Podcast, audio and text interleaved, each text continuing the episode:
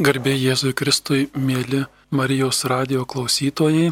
Šiandien mes keliasdešimt minučių pasvarstysime apie Eucharistiją ir maldą prie švenčiausio sakramento, mes ją vadinam adoracija ir tą adoraciją kaip maldos būdą.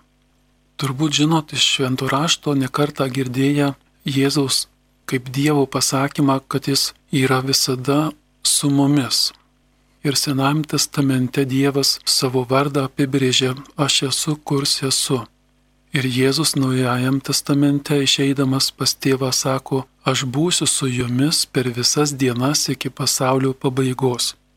Ir tas Dievo buvimas tarp mūsų įvairiais būdais pasireiškia. Turbūt nekartą čia per Marijos radiją esat klausę švento rašto minčių, klausot homelijų, ką sako šventas raštas, Jei mes ieškotume Dievo per kūrybą, jo gamtoje, Paštas Paulius gražiai pasako, kūriniuose Dievas atpažįstamas.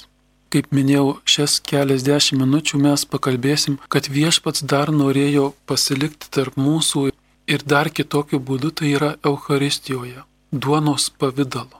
Mišiuose, kai mes švenčiame Euharistiją, Jėzus ateina pas mus ne vien per švento rašto žodžius, kurie irgi maitina, labai stipriai maitina, bet jis nori ateiti matomų pavydalo, duonos pavydalo, taip kaip jis troško per paskutinę vakarienę, taip ir dabar iki pasaulio pabaigos, kur vyksta Euharistijos šventimas, Dievas nori ateiti ir būti tarp mūsų per Euharistiją, per komuniją.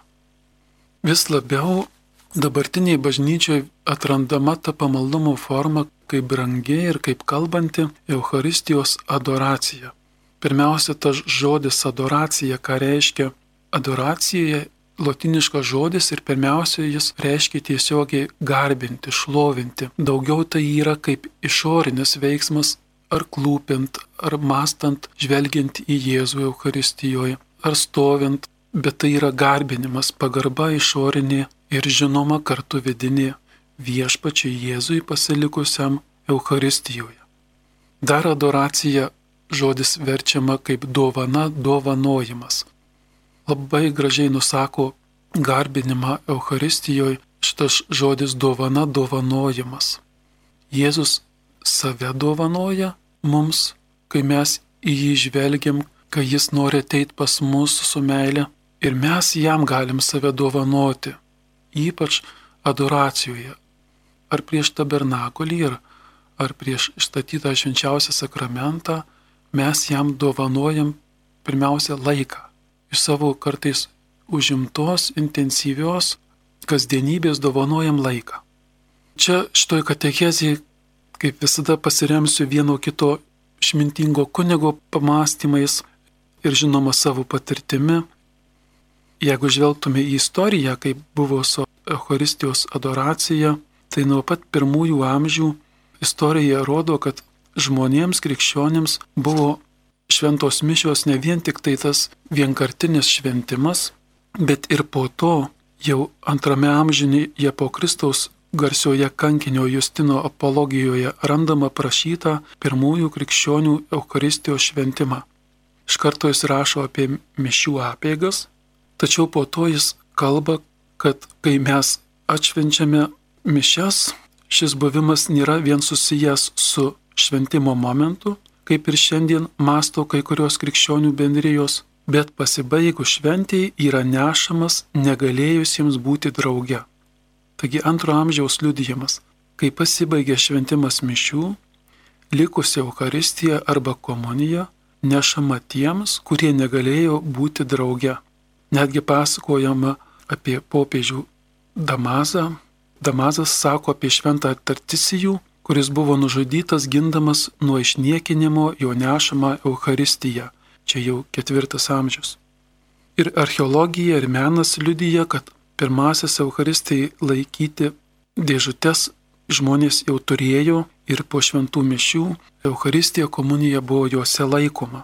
Archeologija tai atranda ir patvirtina. Visų bažnyčios tėvų raštuose rasime liturginių tekstų bei papročių susijusių su Euharistija. Ji nepaliekama ant altoriaus, bet nuo jo parnešama į tikinčiųjų namus. Tai yra ta mūsų ankstyvoji krikščionybė. Daugiau prie jos neapsistosiu, tik tai norėjau pažvelgti ir priminti visiems, jog ši pamaldumo forma arba branginamas Jėzus pasilikęs Eucharistijoje yra visos bažnyčios istorijoje. Tai nėra kas nors nauja ar tik viduramžiuose atsiradę.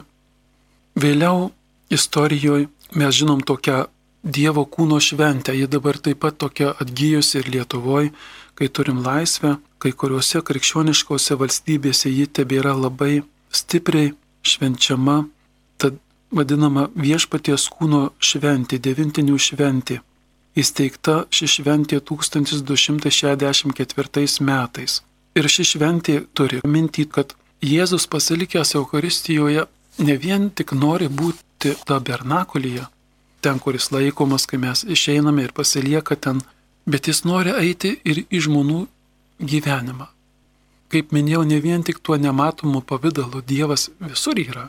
Jeigu ir švenčiausiam sakramente jo nebūtų Dievas vis tiek kitokiu būdu yra tarp mūsų. Bet bažnyčios mintis buvo, kad Jėzus net ir Euharistijoje esantis ateina į mūsų gyvenimus. Ir devintinių šventėje, Kristaus kūno ir kraujo šventėje išnešama švenčiausias sakramentas didžiojoje monstrancijoje pagarbiai ir vaikščiojama su ta monstrancija kunigas ar vyskupas ar diakonas pagarbiai einama į tas vietas, kur yra žmonių kasdienybė. Bent čia Kaune, kiek tenka dalyvauti šioj gražioj maldoje arba konkrečiai kelionėje švenčiausias sakramentas nešamas prie kurios nors parduotuvės sustojama, kur žmonės maistą perka, kur žmonės dirba kasdienį darbą ir jis pagarbinamas.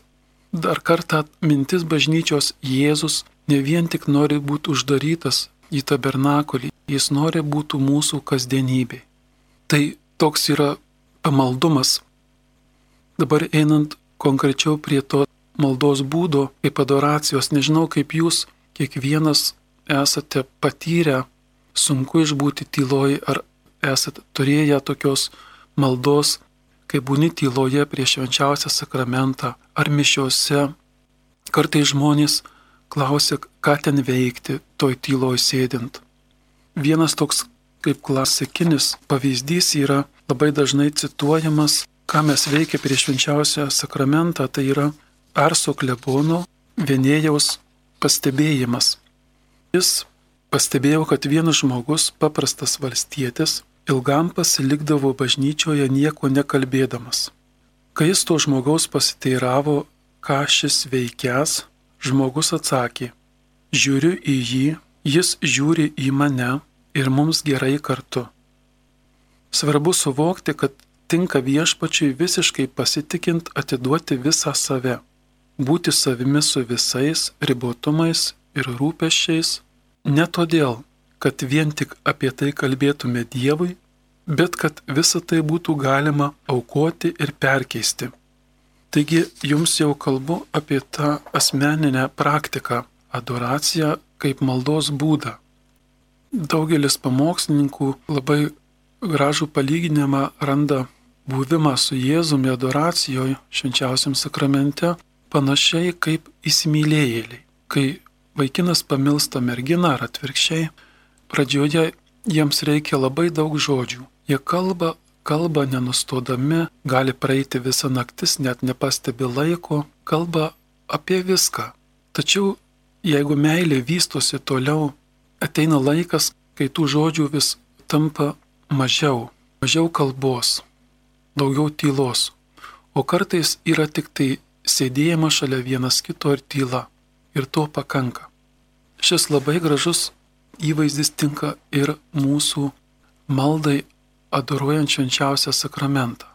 Tikrai mes, būnant prieš Jėzų, galime kalbėti, mes galime melstis, mes galime mąstyti šventą raštą. Adoruojant švenčiausią sakramentą neužmirškime labai svarbu tylos momentai. Kai mes klausome jo, kai mes nutylome ir klausome jo. Net jeigu ir nieko neišgirsime, mes galime tyloje suprasti, kad esam mylimi Jėzaus. Jis ne vien tik nori kalbėtis apie mūsų rūpešius, darbus. Jam tikrai tai rūpi. Jis mato mūsų džiaugsmus, maldas, kurias norim pateikti ir jis pats sako, prašykite ir gausite. Bet tikroji meilė, tikram santykiai su Dievu ir su Jėzum ateina tokie momentai yra malonė ir dovana, kai būna tik dėl jo, jis būna tik dėl manęs. Ne kad kažkokį vaisių išgauti ar patirti, bet būti dėl jo paties, dėl Dievo, dėl to, kad jis mane myli, dėl to, kad aš jį myliu. Kaip minėjau, tai yra malonė, tai yra dovana. Ir gražus yra mūsų Kauno arkivyskupo toks pakvietimas ir pasvarstymas, ką mes galim veikti, doruodami Euharistiją. Aš kelis mintis ir pasakysiu iš jo paraginimo ir konkretaus patarimo, ką mes galim veikti, kai adoruojame Euharistiją. Jis sako, tikintieji įpratę gėdoti ir garsiai melstis. Tai pagirtina praktika. Tačiau norint iš adoracijos gauti daugiau naudos, reikia daugiau laiko skirti tyliai maldai. Sėkmingiausiai adoruoti turint su savimi šventą įraštą, kuris skaitomas, o paskui tylomis mąstoma ir klausome savęs, ką man šią valandą pasakytų Jėzus. Tokia tylos malda adoracijoje yra labai brangi. Tikrai verta pabandyti su šventuoju raštu Eucharistinio Jėzaus akivaizdoje pabūti ilgesnį laiką nes tyloje Dievas mums gali pasakyti labai svarbių dalykų, kuriuos užgožia skubėjimas ir gyvenimo triukšmas. Tikėjimo metų svarbiausias tikslas, sako vyskupas, mums patiems paaukti tikėjime. Bažnyčia turi tūkstantmetinę patirtį, kad tikėjimas auga, kai žmonės rūpinasi gera malda. Švenčiausio sakramento adoracija yra Dievo padovanotas laikas. Nuolatinė adoracija bus puikia proga melsis už Lietuvos dvasinį atgimimą, už bažnyčią ir kitomis svarbiomis intencijomis. Matome daugybę suglumusių gyvenimų, nusivylusių ir kenčiančių žmonių. Aš čia tik asmeniškai norėčiau pridėti, kad žmonės, ypač tie, kurie esame dažniau namuose ir galbūt dėl lygos ar dėl kitų priežasčių mažiau galime išeiti, ištrūkti į tą adoraciją. Noriu tik jūs padrasinti. Mes galime ir namuose, kur nėra švenčiausio sakramento, dvasiškai jungtis su tais, kurie meldžiasi prie Euharistijos, dvasiškai bendrauti su Jėzumi, kuris yra tabernakulyje ir savo kančią, savo sunkumą, nepajėgumą aukoti už Lietuvą, už kunigus, už jaunimą. Ir tai bus taip pat adoracija taip, kaip mokam. Viešpačiai nėra ribų, bažnyčios sienos neustoja bendravimo su juo. Dvasinis adoracijos metu, sako arkivyskupas, galima kalbėti rožinį, apmastant jo paslaptis, jog rožinis yra trumpa evangelija, mums pristatant visą Jėzaus gyvenimą nuo motinos iššių iki garbingo įžengimo į dangų. Dvasinė adoracija užbaigiama prašymu kad viešpats palaimintų patį adoruotoją, visus Lietuvo žmonės, o ypač tuos, kurie mums yra artimi ir brangus. Šiek tiek einu prie to asmeninios patirties, kaip kunigas, kalbėdamas apie adoraciją Euharistijoje, apie Jėzų Euharistijoje, nekalbu tik teoriškai. Mačiau, girdėjau ir skaitęs esu. Ir pats asmeniškai patyręs, kad ryšys su Jėzumi Euharistijoje, patirtis su juo būnant komunijoje tikrai duoda tą nuoširdžią draugystę. Ši malda moko tokio asmeninio ryšio su Dievu, su Jėzumi.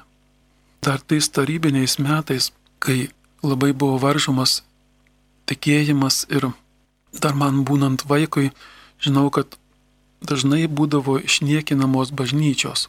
Ir ne dėl to, kad apvoktų pinigus išneštų ar paveikslus, kokius brangius, bet dažnai toks buvo išniekinimas bažnyčios, įsiveržiama, išlupamas tabernakulis ir viešpaties kūnas išbarstomas, sutrypiamas ar išnešamas nežina kur. Ir tuo metu ganytojai prašydavo klebonų, kad būtų neišniekintas švenčiausias sakramentas, parsinešti tabernakulį arba komuniją į kleboniją pagarbioj vietoj, kad jis būtų apsaugotas nuo išniekinimo.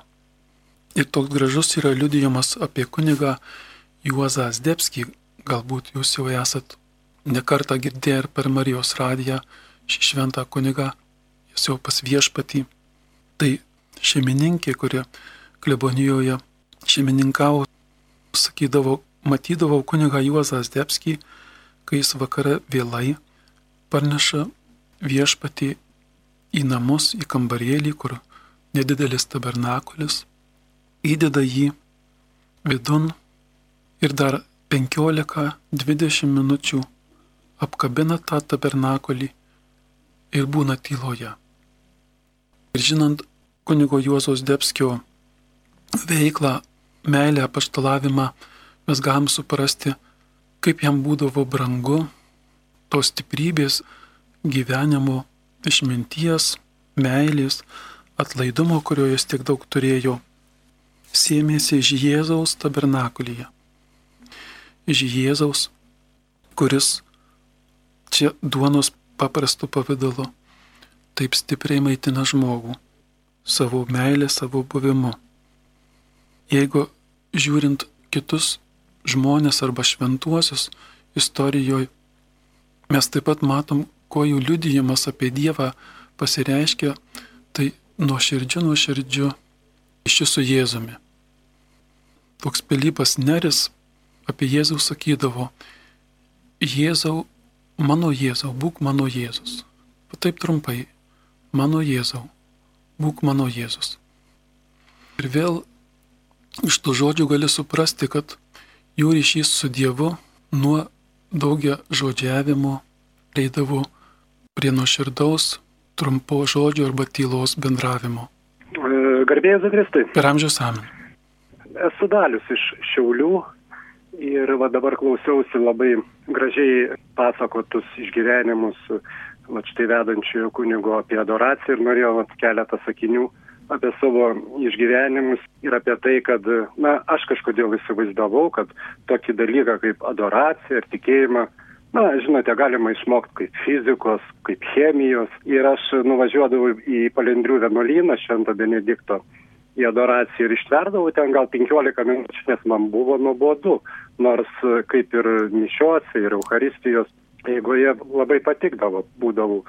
Tai vad, berots aš ir klausdavau vienuolino brolių, sakydavau, tai kas tai yra, ką aš turėčiau išgyventi, kaip pajus, man labai gražiai paaiškindavo dvasiškai, kad tai yra na, paprasta meilė e, žmogaus ir Dievo, kad turi, na, galbūt ateis laikas ir pajaus ir iš tikrųjų, aš turbūt berots ar trečią ar ketvirtą sykį, sėdėdamas, vėlgi savo tas 15 minučių daugiau nebeištverdamas jau norėjau kilti ir pajutau tokią, žinote, tokią šiltą bangą, tokį ne vien dvasinį kažkokį malonumą, bet ir tokį fizinį viso kūno tokie šurpuliukai. Nu, jie ir likusias 40 minučių ar visą valandą aš išgyvenau tokioj meilį ir išėjęs aš niekaip nesupratau, kas įvyko. Atrodo, nieko nesuprantu, bet viskas aišku.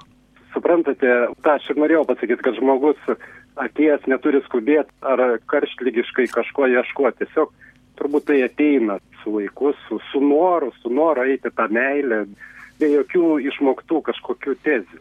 Ačiū daliau, tikrai gražus paliudėjimas jūsų. Nuoširdžiai dėkui iš pasidalinimą. Aš tik daliau pritarčiau, kad išbūti tyloj, išlaukti, kol Jėzus užkalbins, kartais reikia pastangos.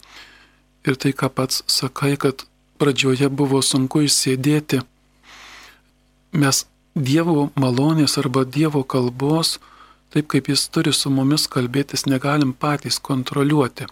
Mes galim tik laukti, mes galim tik tai išbūti tyloj ir Dievas savo meilę nepralenkiamas žmogus, kuris jo ieško, jis prabils šiuo atveju daliau jums tokia švelnia patirtimi jausminga, kitą kartą aiškumu ir taip toliau. Dar vienas yra SMS, mes galim tada išklausyti. Dauguma moterų atmeta Dievą ir pačios sakosi, esą kaip Dievas ar net aukščiau. Kas tai gimtosios nuodėmės pasiekmė ir beribė puikybė? Nu tai kelionė į Dievą turbūt yra kartais mūsų visų Žinot, apaštlas Jonas Krikštytojas yra pasakęs, man skirta mažėti viešpačiui aukti. Kartais mes, kol nueiname iki viešpatie, suprantam jo meilę, tikrai ypač tada, kai mums dar patiems viskas sekasi, tai yra tokia pagunda būti mes patys kaip dievai. Man labai dažnai, kai sutinki žmogų, jis klausia, kaip sekasi, sakau, su Dievo pagalba. Jeigu žmogus tikintis, tai jis supranta, ką tai reiškia. Žmogus nelabai tikintis sako, o tai kas atsitiko, jeigu jau Dievo pagalbos reikia. Aš nežinau čia kaip nei kritikuoti, nei, nei kaltinti, jeigu yra žmonių, kurie save kaip Dievu laiko. Bet jiems dar turbūt reiks nueiti didelę kelionę, kai supras savo ribotumą. Tai tiesiog taip dar turim telefoninį klausimą arba pasidalinimą, mielai išklausysim. Garbėsiu Kristai. Ramžius. Elena iš Nemakščių. Aš viena gyvenu ligonis. Ir naktį, kada įsijungiu radiją, palieku tą šviesuliuką ir aš tyluoju taip savį, Jėzau, atleisk man, pasigailėk, šitaip melžiuos. Ir dar kol radijas neturėjau viena, taip ir su pažįstama tokia viena kaiminė, taip susiskambidom skambučiais ir įsivaizduodom, kad tai esam tuščia bažnyčiai ir rožinį sukalbėdavom į taip tokį tyloje, tokią maldą. Ar galim tai padaroti? Žinot, aš jums atsakyčiau, šventas Ignatas, ką jis atsakytų, sakytų, jeigu tai padeda bendrauti su Jėzumi, į santykį eiti su Jėzumi, su Dievu, tai tą ir darykit. Tai yra nuostabu, taip Dievas jūs šiuo metu užkalbina. Tai kaip sakiau, jeigu namuose ligonis esi arba, kaip jūs minėjot, naktį pasikeliu, adoruoti viešpatį, jam nėra kokiu nors kliūčių adoruoti dvasiškai tai ką jūs darote ir tai jeigu jūs kalbina taip Jėzus troškimas, tai tik drąsiai tą darykit. Dar turim vieną SMS žinutę, žmonės nori bendrauti. Paaiškinkit rašto vietą, tikrieji rašto garbintojai mane garbins dvasia ir tiesa ir tokių garbintojų Dievas ieško. Ir dar trumpas klausimas, ar galima per adoraciją klausyti Marijos radijo? Ta švento rašto vieta, tai Aš manyčiau, kad mes čia kalbėdami jau šiek tiek atsakym, mūsų žodžiai, mūsų rūpešiai, mūsų yra paštalavimas, visa tai yra brangu viešpaties akise. Bet visa tai pamažu turėtų vesti prie to dvasinio pokalbio su Dievu. Ir jeigu man šiandien klausimas toks yra, kaip tą švento rašto vietą suprasti, ateinu pas viešpatį maldoj, melžiuosi, jį garbinu, bet turi ateiti momentas, kai aš tyliu, ne kad norėdamas ką nors gauti iš Dievo, ar Dievas iš manęs, bet dvasia ir tiesa toks, koks esu prieš Dievą būti, jo meilės žvilgsnį. Tai yra dvasia ir tiesa. Tačiau mes kol kas gyvenam žemėje ir reikės, kad ir Jėzaus tos kvietimas kitoks bus, kad kartais ir prašyti Dievo, kai skauda dėl kitų žmonių, dėl pasaulio, kai kančia arba kai džiaugsmas, jam dėkoti. Dangui turbūt bus tie žodžiai šventų rašto pilnatvė, kai būsime veidą į, į veidą su Dievu. Tai ten turbūt bus pilnatvė šito šventų rašto žodžių. Bet jau ir žemėje kviečiami nuo prašymo maldos, nuo dėkojimo kartais būti dvasioj ir tiesoj. Klausyti Marijos radiją adoracijos metu tas pats atsakymas. Jeigu tai padeda su viešpačiu bendrauti, ar tai melstis, naudokite. Jeigu tai padeda melstis, jei tai trukdo, išjungkite. Žiūrėkite, kaip jūsų dvasia tai kalbina. Tai jeigu kalbant dar mano asmeniniu tirtimi, kaip aš pats prie Jėzaus to asmeninio prieėjau Euharistijoje, žinau, kaip vaikai mes dar patarnaudavom mišiuose, laukdavom mišių pabaigos, atrodydavo mišių laikas toks ilgas, bet dar vienas skambutis, tai mes išklausysime skambinusiojo. Garbė Jėzui Kristui. Per amžius amen. Esu Edmundas iš Vilniaus kai padaroju švenčiausią, paskui einu pas ligonius ir aš dar labiau susitinku Jėzų su ligoniais juose. Tai va toks, toks trumpas gal pasidalinimas. Edmundai, dėkui nuoširdžiai. Jūs pasakėte tą švento rašto išmintį. Kas sakosi mylės Dievą, bet nemylė artimo, yra melagis. Ir atvirkščiai, jei mes tikrai, tikrai mylėsim artimą, mes ten sutiksim Dievą. Ir tas pats Jėzus, tikrai tas pats Jėzus, kuris Eucharistijoje pasilikęs kaip asmuo, kaip meilė, atrandamas, mes jį sutinkam dar labiau ligonėje, vargšo asmenyje ir Redmonda jūsų klasiškas palyginimas. Jėzus vargšos ir Jėzus Euharistijoje. Niekas niekam neprieštarauja, tik pagilina. Dar vieną SMS žinutę mes išklausysim. Kodėl visur satinama santoka, jei Biblija tik nesivaldymo atveju pritarė santokai? Dievas labiausiai myli skaiščias sielas, o susituokę yra pasidalyję ir rūpinasi vienas kitu. Gal šiandien ne ta tema katechezės, bet tik trumpai galėčiau pasakyti, viešpaties dovana yra santoka. Tas žmogus, kuris klausėtėsime žinote, ir jūs gimėt vyro ir moters meilės. Vyro ir moters meilę Jėzus pasakęs, mylėkite vyrai savo žmonas, kaip Kristus myli bažnyčią. Visur yra Dievo planas, nuostabus planas. Ir santokoje, ir nesantokoje bus kviečiami žmonės į skaistumą. Ir santokoje tikra meilė vyro žmona ir žmona vyrui ves prie Dievo. Tai krikščionybėje nerandu jokio supriešinimo. Nebent jeigu santokoje vyras ar žmona bus dievinami ar tik priemonė laikoma, tai tokia santoka aišku neveda nei prie Dievo, nei prie tikros meilės. Katekezė jau truputį į pabaigą, bet aš tik pabaigsiu tą savo liudijimą. Kartais sako, kaip vaikui parodyti tą adoracijos vertę.